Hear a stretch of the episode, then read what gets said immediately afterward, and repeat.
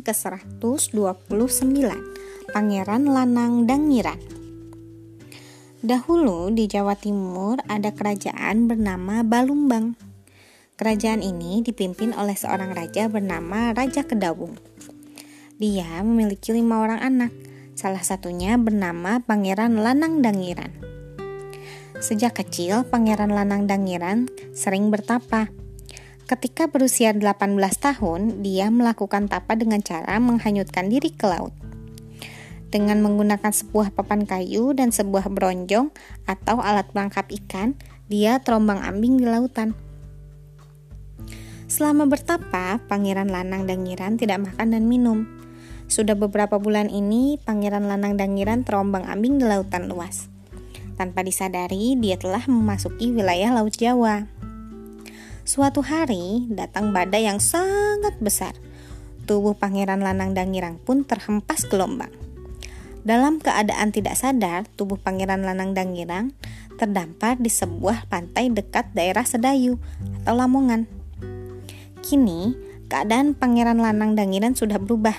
Tubuhnya sudah dilekati dengan kerang, keong, dan karang-karangan. Untunglah saat itu ada seorang kiai bernama Kiai Kendil Wesi Kiai itu segera menolong Pangeran Lanang Dangiran yang sudah pingsan. Kiai Kendil Wesi lalu membawa Pangeran Lanang Dangiran ke pondoknya. Hai anak muda, siapakah dirimu? Mengapa kau sampai terdampar di pantai ini? Tanya Kiai Kendil Wesi. Namaku Pangeran Lanang Dangiran. Aku adalah putra dari Raja Balumbang. Aku sedang melakukan tapa di tengah laut menggunakan papan kayu dan bronjong. Namun tiba-tiba datang angin topan dan gelombang besar hingga aku terhempas dan tidak sadarkan diri. Jawab Pangeran Lanang Dangiran. Benarkah kau anak dari Raja Balumbang? Jika benar, berarti kita masih ada hubungan saudara. Aku adalah Kiai Kendil Wesi. Aku juga masih keturunan dari salah satu Raja Balumbang yang bernama Menakumadi. Tinggallah di pondokku untuk beberapa waktu, kata Kiai Kendil Wesi. Terima kasih Kiai, aku akan tinggal di pondok ini. Terima kasih sekali lagi untuk kebaikan Kiai, kata Pangeran Lanang Dangiran. Akhirnya, Pangeran Lanang Dangiran tinggal bersama Kiai Kendil Wesi untuk beberapa waktu. Kiai Kendil Wesi sudah menganggap Pangeran Lanang Dangiran seperti anaknya sendiri. Di sini, Pangeran Lanang Dangiran banyak belajar tentang ilmu agama dari Kiai Kendil. Dia pun tumbuh menjadi pria yang berbudi pekerti luhur dan memiliki iman yang kuat. Dia juga sering mengajarkan ilmu agama pada penduduk di sekitarnya. Di masyarakat, Pangeran Lanang Dangiran dikenal dengan julukan Kiai Ageng Brondong. Kiai Ageng Brondong menyebarluaskan ilmu agama sampai ke daerah Cirebon. Ketika itu di kerajaan Cirebon ada seorang putri yang cantik jelita.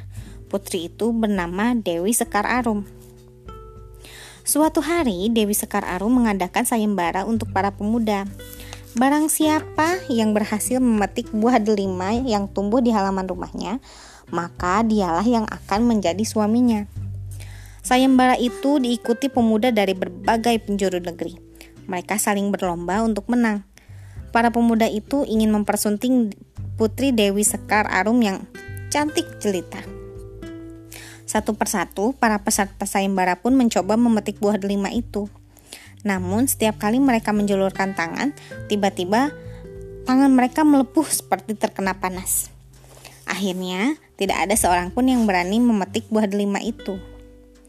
Kini, Kiai Ageng Brondong mencoba untuk memetik buah delima itu. Sesampainya di bawah pohon, dia melihat kalau pohon itu dihuni oleh bangsa jin yang jahat. Kiai Ageng Brondong lalu berdoa, dia meminta pertolongan pada Tuhan agar bisa menaklukkan jin jahat itu. Setelah berdoa, tiba-tiba muncul asap putih yang sangat tebal. Ketika asap itu menghilang, tampak sesosok tumbuh tampak sesosok tubuh tinggi besar dengan wajah menyeramkan. Kiai Ageng Brondong langsung mengusir jin itu.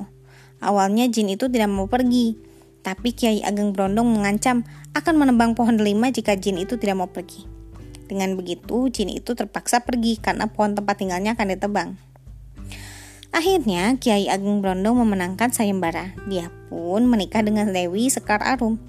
Setelah menikah, mereka tinggal ke Surabaya. Mereka tinggal di daerah bernama Bata Putih. Keturunan mereka kelak menjadi adipati di Surabaya. Sekian, terima kasih telah mendengarkan. Selamat malam.